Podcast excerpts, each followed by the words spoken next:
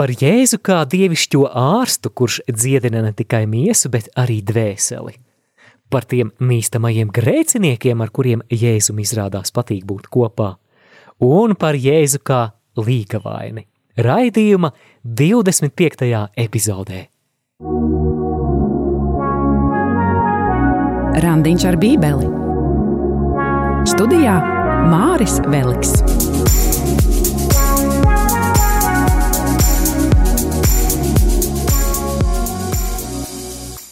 Turpinām studēt Mateja evaņģēliju. Mateja 8. un 9. nodaļā aprakstītie notikumi mums atklāja Jēzus varu jeb autoritāti.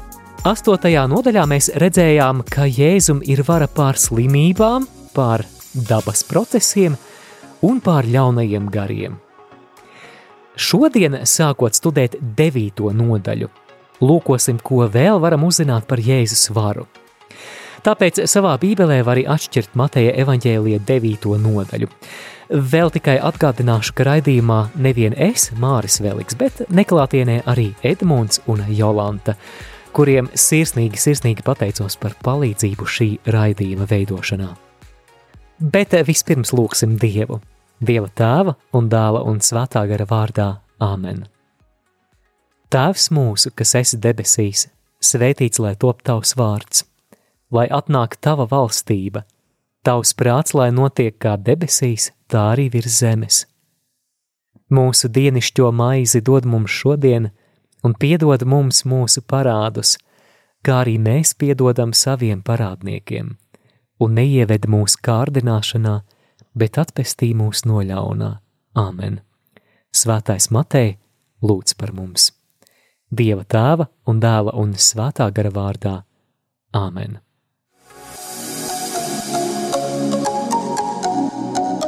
Skan randiņš ar bībeli. Lasīsim mūsu šodienas pirmo fragmentu, Mateja 9. nodaļa no 1. līdz 8. pantam. Jēzus dziedina paralizēto. Edmund, lūdzu!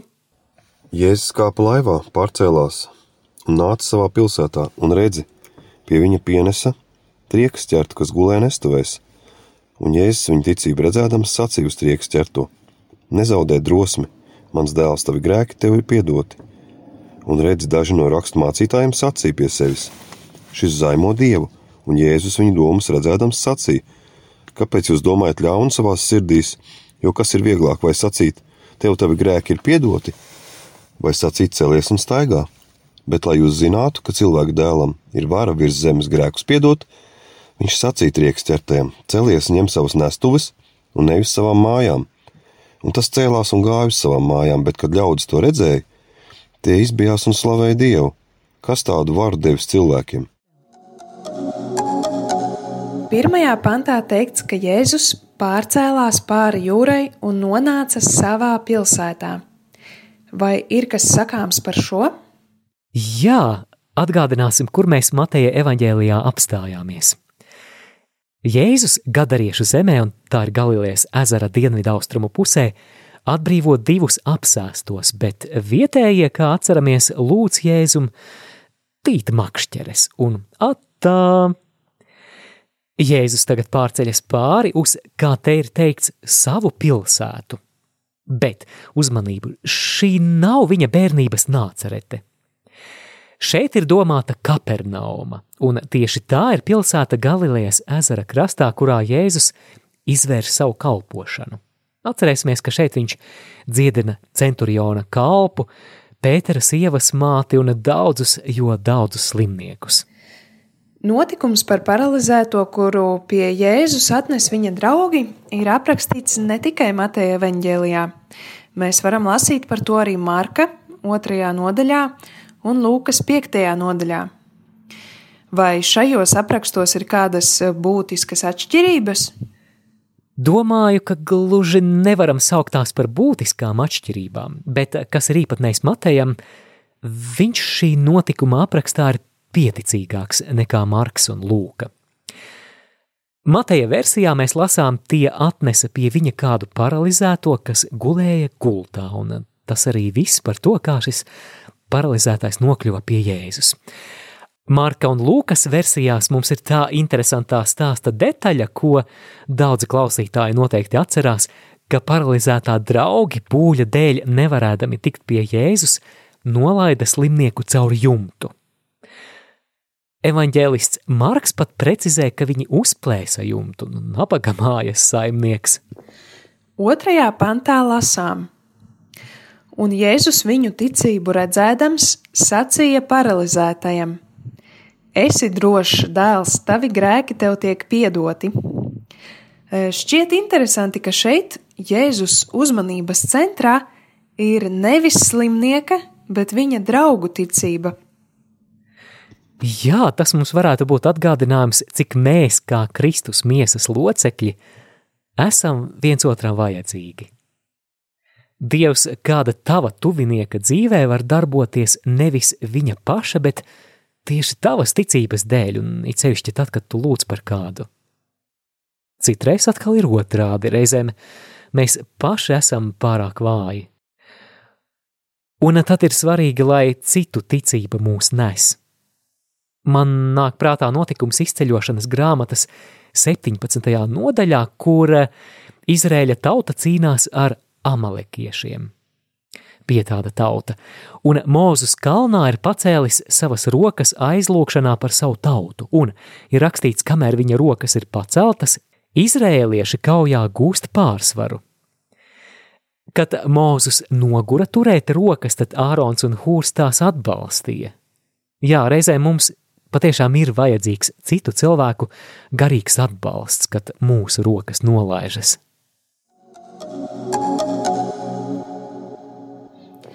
Tālāk lasām, ka rakstu mācītāji pie sevis Jēzu apsūdz eh, zaimošanā. Viņi saka, šis zaimo. Kas īsti Jēzus rīcībā ieļaunoja rakstu zinātājus? Šķiet, ka Jēzus nav pateicis neko neētisku. Ievēro, ka Jēzus paralizētajam otrajā pantā saka: Esi drošs dēls, tavi grēki tev tiek piedoti. Kā tiesības vecajā derībā bija grēku piedošana? Nu, protams, ka dieva tiesības, lūk, daži piemēri. 103. psalms, 12. pants.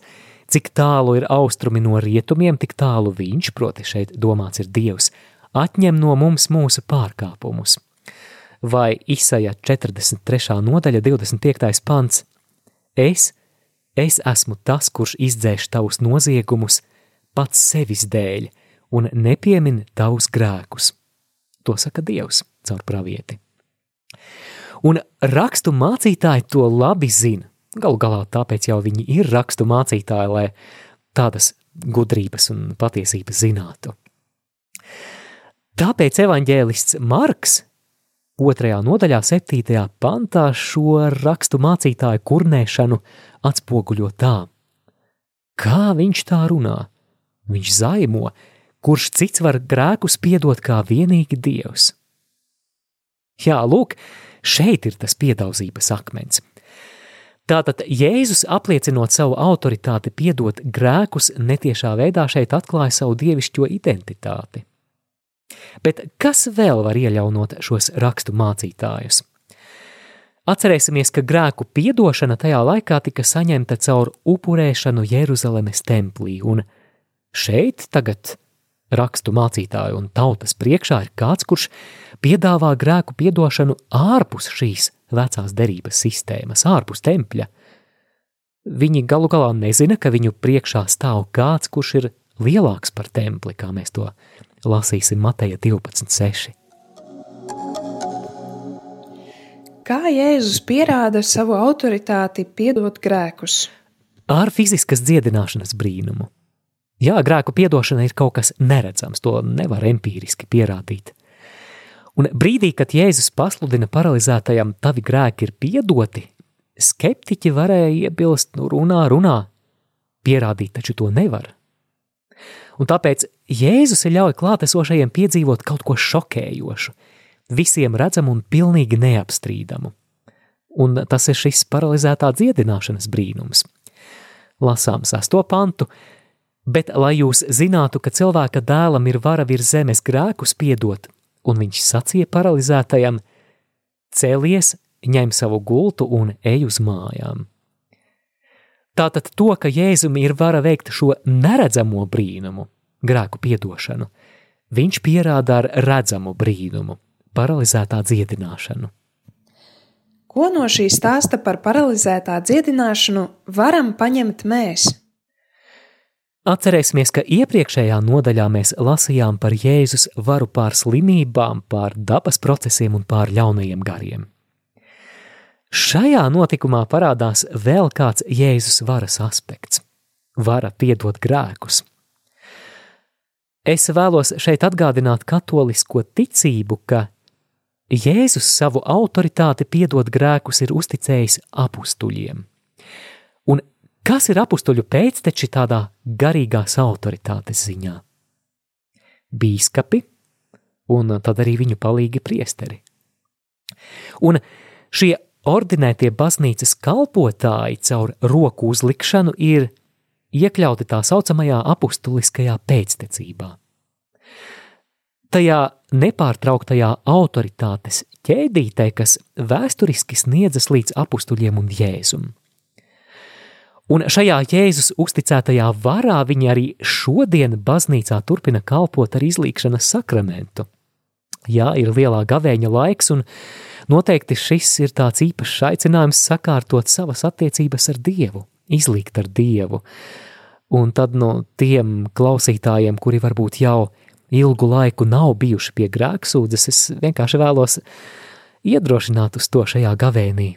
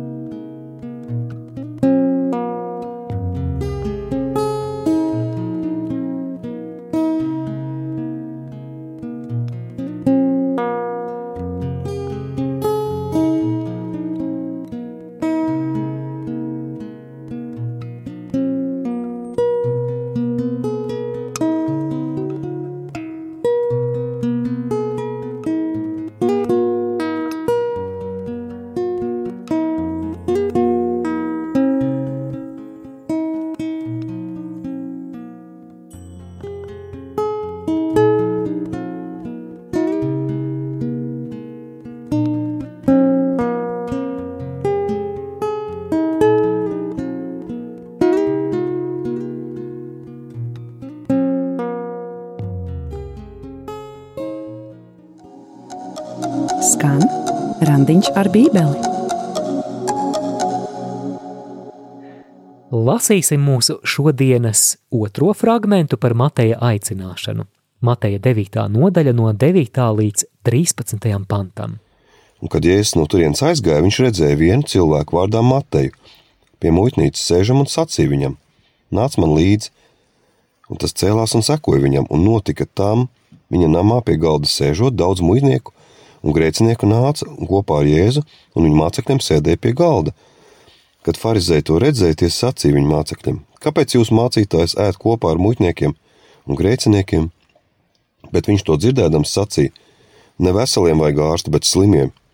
Bet jūs ejat un mācāties, ko tas nozīmē. Man patīk žēlastība un ne upuris, jo es neesmu nācis aicināt uz atgriešanos no grēkiem, taisnus, bet grēciniekus. Tikko dzirdējām aprakstu par Mateja aicināšanu. Vai tas ir tas pats Matejs, kurš ir evaņģēlija autors? Lai arī mūsdienās šis pieņēmums tiek apšaubīts, te jau vai visā baznīcas vēsturē, ja mēs palūkojamies, tad par šī evaņģēlija autoru vienbalsīgi ir ticis uzskatīts apustulis Matejs. Var minēt tādus agrīnos kristiešu autorus, piemēram, Svēto Irenēju, un tas ir tikai otrais gadsimts, proti tas ļoti tuvu apustuliskajam laikmetam, Origēns un Tertuliāns, trešais gadsimts un tā tālāk. Viņi šo evaņģēliju ir piedēvējuši muitniekam, apustulim Matejam, par kuru nu pat lasījām. Un mums nav zināma kāda cita agrīna tradīcija, ka autors varētu būt kāds cits. Mazliet vairāk par tām diskusijām par evaņģēlija autoru es pieskāros šī raidījuma otrajā epizodē, ko mēs varam zināt par Mateja evaņģēliju. droši meklējiet arhīvā otrā epizode. Devītajā pantā lasām, ka Jēzus Mateju satiek muitnīcā. Tātad Matejs bija muitnieks. Vai vari lūdzu atgādināt, ko nozīmē muitnieks? Mums mūsdienu latviešu valodā šis vārds asociējas pirmkārt ar ko? Ar robežām, ar robežu kontroles punktiem iespējams. Nē, Matejs nav robežmuitnieks. Evanģēlijos ar vārdu muitnieks, jeb grieķu valodā telonēs, tika apzīmēti galvenokārt nodokļu ievācēji. Drīzāk kaut kas starp valsts ieņēmumu dienesta darbinieku un parādu piedzinēju. Hmm, cik zināms, muitnieki tautai nepatika, vai ne? Un kādi ir iemesli? O, jā, jūdiem tā bija nīstama profesija. Pirmkārt, tam bija politiski iemesli. Palestīna Jēzus laikā bija daļa no Romas impērijas, un kā vairums jūdu uzlūkoja romiešu varu. Apmēram kā mēs Latvijā 80. gadu beigās un 90. sākumā lūkojāmies uz padomju varu. Romiešu vara jūdu izpratnē bija okupantu vara, un muitnieki bija tie pakalpiņi, kuri ar šo romiešu varu sadarbojās, jo viņi iekasēja nodokļus no savas tautas pārstāvjiem, tātad no ebrejiem, priekš Romas varas un priekš tās militārajām institūcijām. Bet bez šiem politiskajiem iemesliem bija arī tādi morāli, ētiski iemesli, sauksim tos tā. Viņi strādāja ar naudu.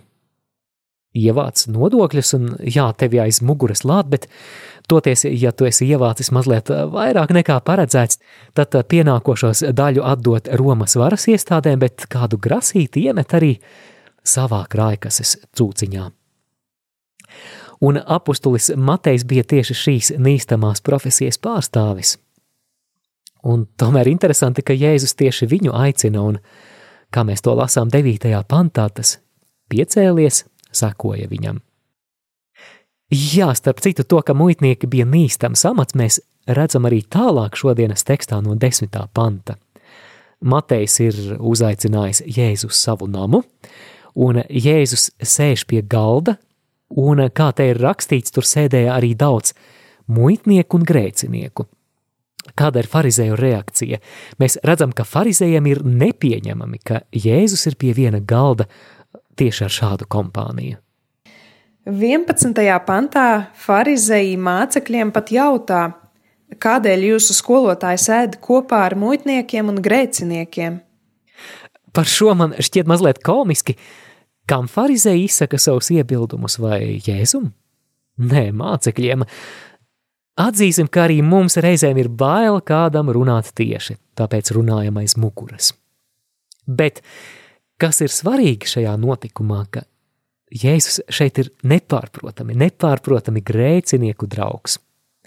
Viņš ir galda kopībā ar viņiem, kas tajos laikos tika uzskatīts teju vai par derības attiecībām.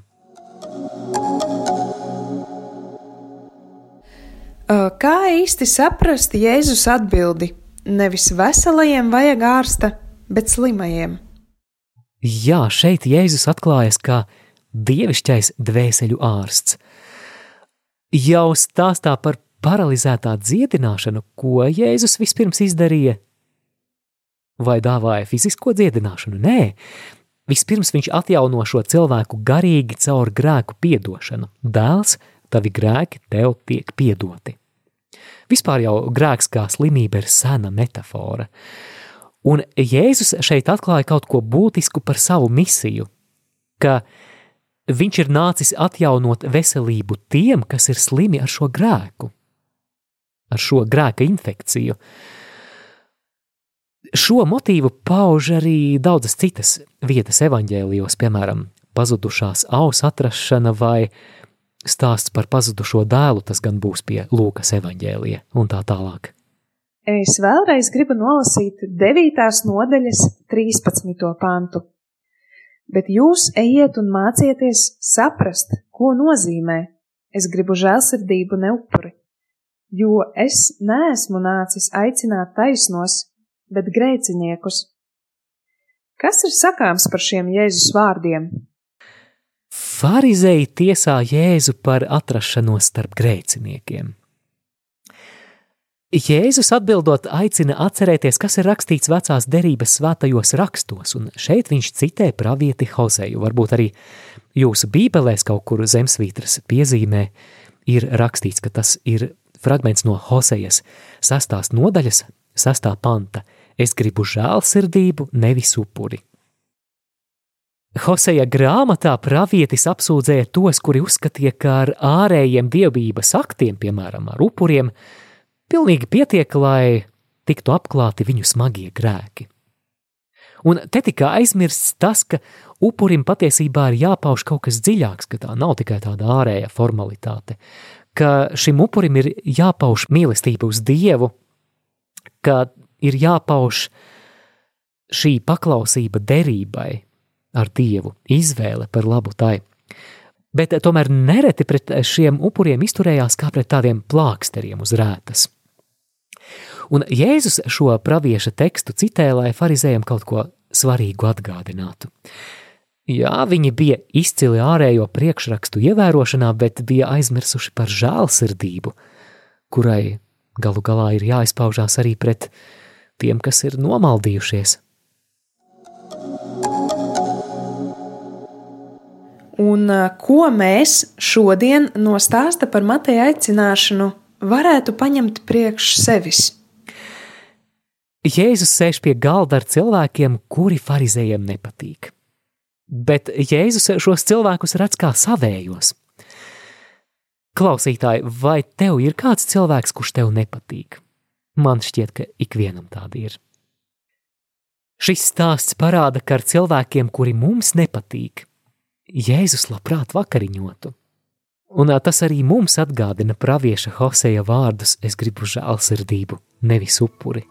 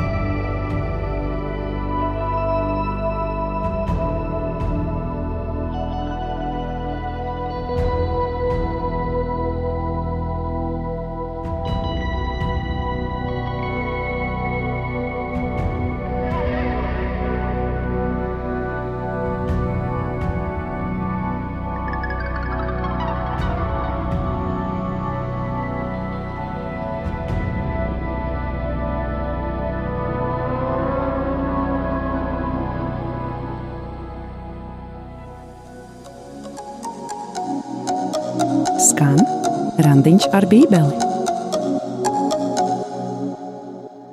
Lasām šodienas trešo fragment, Mateja 9. nodaļa no 14. līdz 17. pantam - Gāzu viesi negavē. Edmund? Pēc tam Jāņa mācekļi atnāca pie viņu un sacīja: Kāpēc mēs farizēji gavējam, bet tavi mācekļi negavē? Un Jēzus viņam sacīja: Vai kāds ļaudis var bēdāties, kamēr līgavains pie viņiem?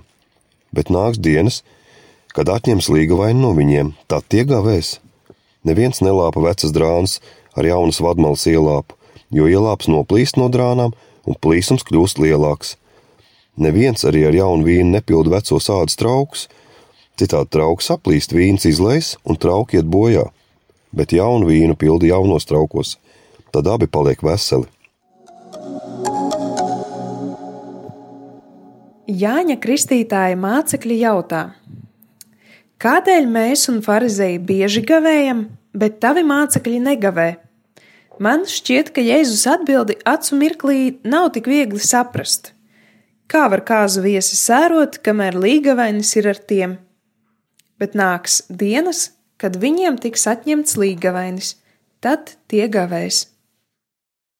Jā, Jānis Kristītājs noteikti, noteikti ir viens no lielākajiem jaunās derības askētiem. Skarba dzīve, tuksnesī un pieticīgs ēdiens, ko viņš tur ēda.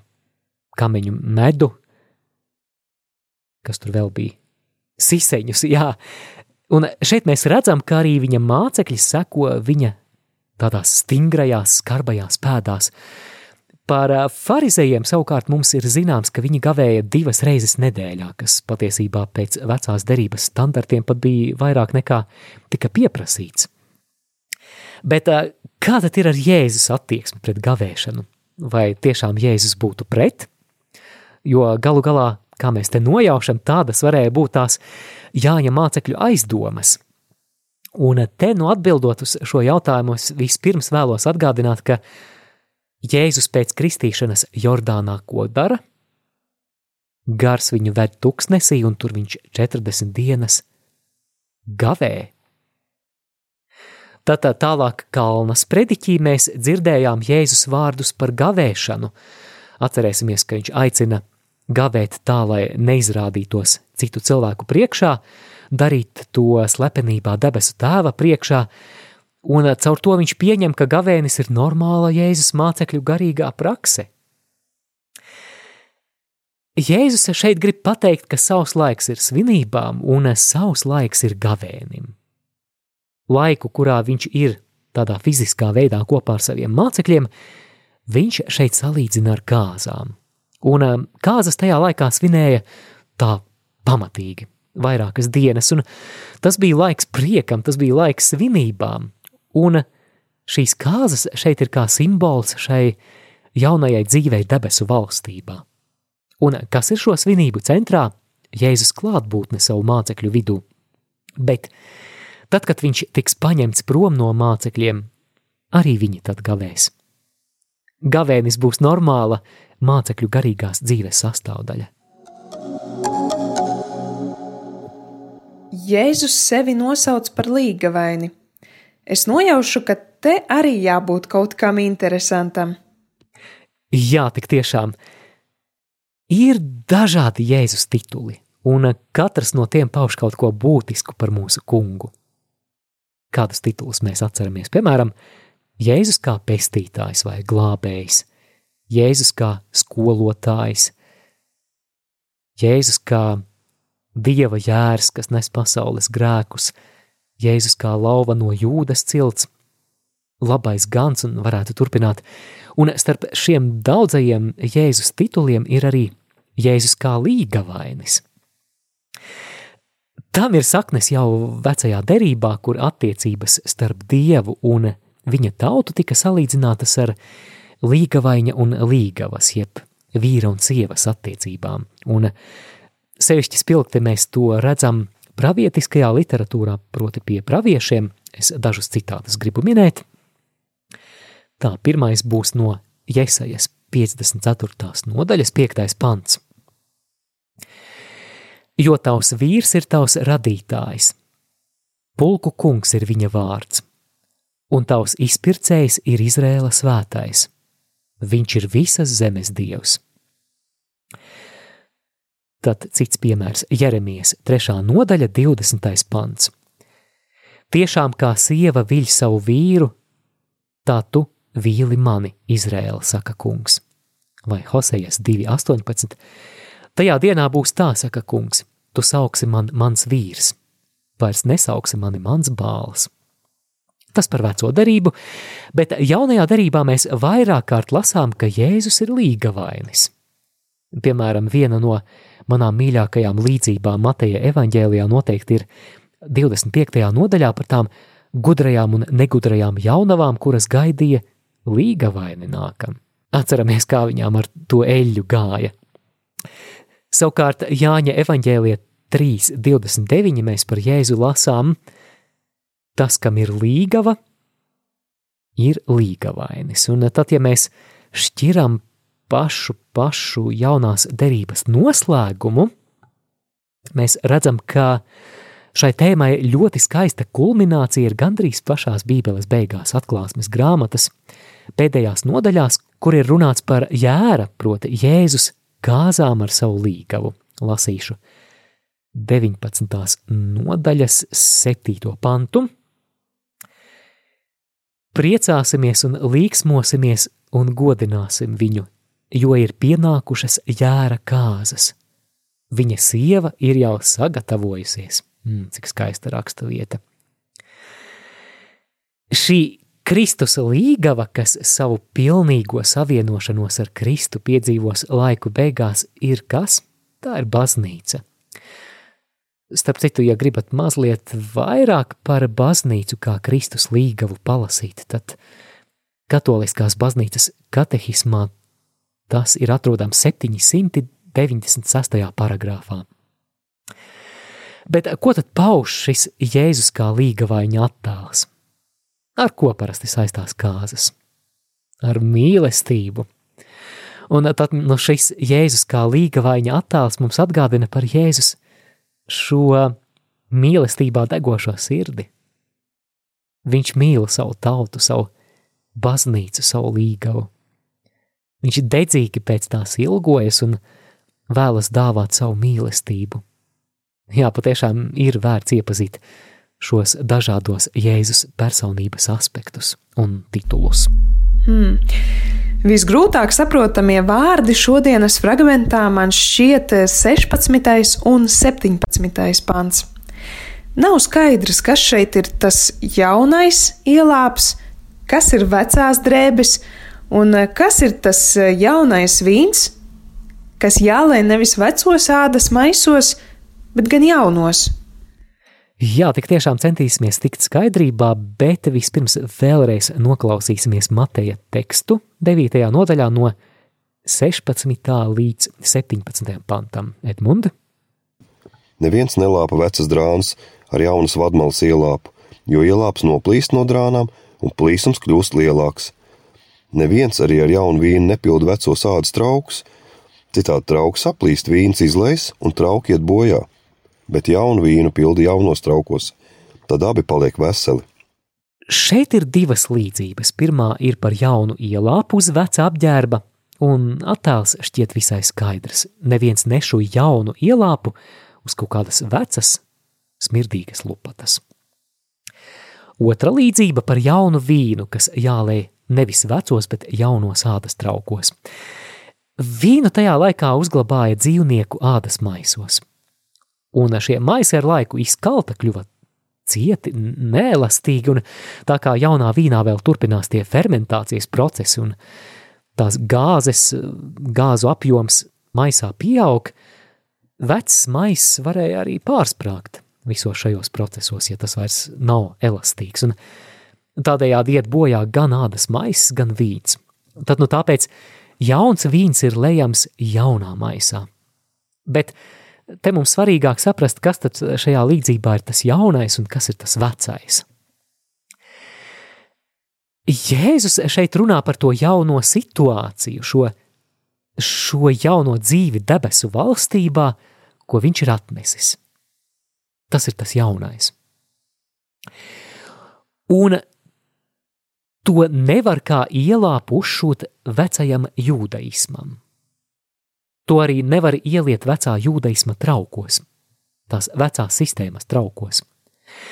Tas jaunais, ko Jēzus atnes, nevar tikt ietilpināts vecajās jūdu dievbijas praksēs, saskaņā ar kurām galu galā tad nu farizēji šeit nosoda Jēzus biedrošanos pie viena galda ar grēciniekiem. Jo galu galā, kas ir noticis, ir iestājies šis laiks, kad ir atnācis Mesija līgavainis un ir laiks pilnīgi jaunai debesu valstības loģikai, kuru Jēzus pasludina kā jaunais mūzus. Kā šis fragments no 14. līdz 17. pantam par kāzu viesiem, kuri negavē, un par jauno vīnu, var attiekties uz mums? Ir savs laiks svinēt un savs laiks gavēt. Mēs šobrīd esam lielajā gavēnī, un, protams, protams, ka mēs esam aicināti atklāt gavēņa un gavēšanas vērtību.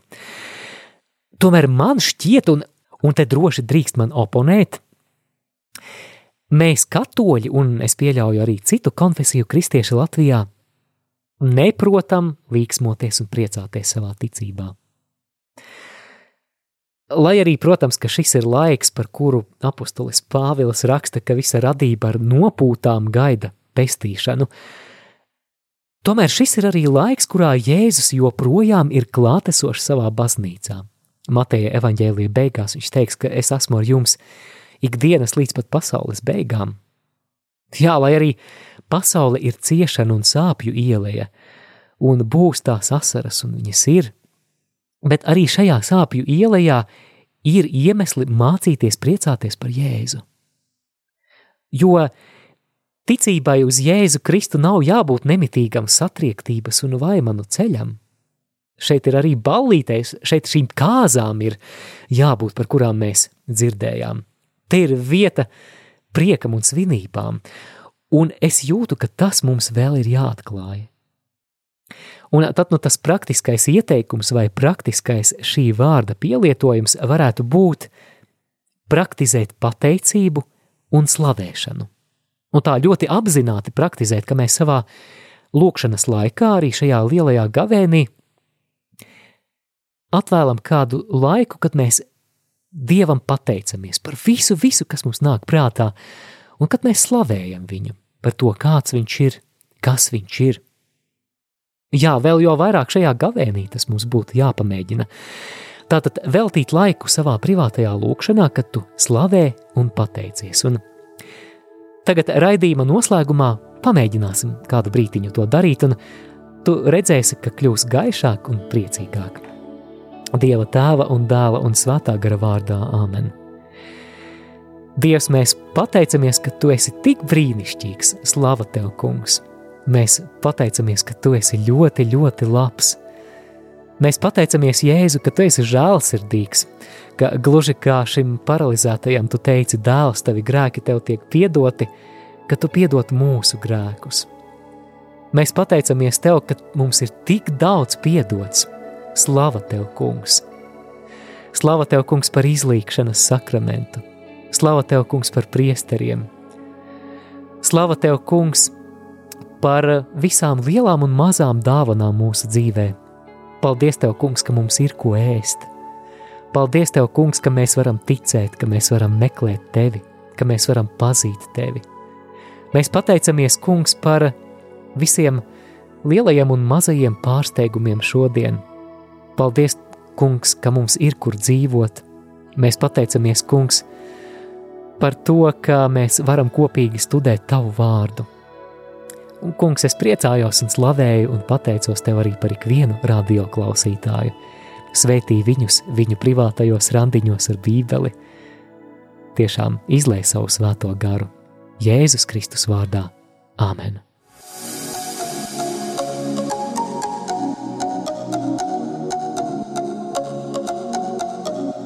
Jūs klausījāties raidījumu Randiņš ar Bībeli. Savas atsauksmes, ieteikumus un jautājumus sūtiet uz e-pastu Randiņš ar Bībeli at gmail.com.